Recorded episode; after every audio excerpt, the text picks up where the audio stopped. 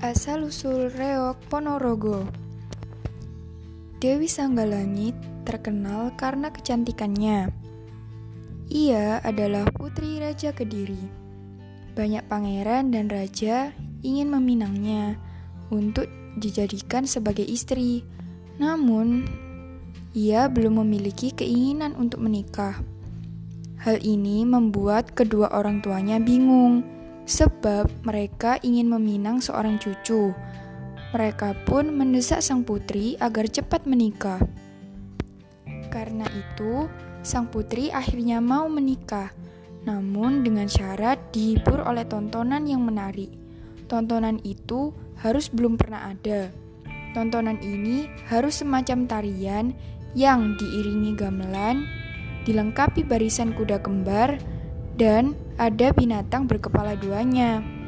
Tak lama setelah itu, sang raja mengadakan sayembara, isinya persis seperti yang diminta oleh sang putri. Para pelamar yang tadinya bersemangat menjadi banyak yang ciut nyalinya. Banyak dari mereka yang akhirnya mengundurkan diri. Akhirnya, tinggal dua orang saja yang tersisa. Mereka adalah Raja Singa Barong dari Kerajaan Lodaya dan Raja Kelana Swandana dari Kerajaan Bandarangin. Raja Singabarong adalah manusia yang aneh, yakni berkepala harimau dan berbulu lebat. Bulu itu dipenuhi kutu. Itulah sebabnya ia memelihara seekor burung merak yang rajin mematuki kutu-kutu itu. Sifatnya buas dan kejam, Sedangkan Kelana Swandana adalah seorang raja yang berwajah tampan dan gagah, namun punya kebiasaan suka pada anak laki-laki. Raja Singa Barong memanggil patihnya yang bernama Iderkala. Ia diutus untuk menyelidiki pesaingnya, yaitu Kelana Swandana. Setelah itu, sang pati bergegas menuju kerajaan Bandarangin untuk menyelidiki. Setelah beberapa hari, ia pulang untuk melapor. Sang patih melapor jika semua syarat yang diajukan sang putri berhasil disiapkan, kecuali binatang berkepala dua. Mendengar hal itu, Singa Barong menjadi panik.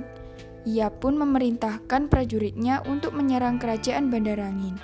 Singa Barong bermaksud merebut hasil usaha Kelana Swandana. Setelah siap, Singa Barong memerintahkan beberapa mata-mata untuk menyelidiki rute perjalanan ke Lanaswandana. Namun, mata-mata tersebut tertangkap prajurit Bandarangin. Setelah mengetahui rencana Singa Barong, Kelana Swandana bergegas menyerang kerajaan Lodaya. Saat itu, Singa Barong tengah tertidur di taman kerajaan karena keenakan kutu di kepalanya dipatuki burung merak peliharaannya. Di luar istana, pasukan Bandarangin berhasil mengalahkan prajurit Lodaya. Setelah itu, baru Singa Barong terbangun. Sementara itu, si burung merak masih saja mematuki kutu-kutu di kepala Singa Barong.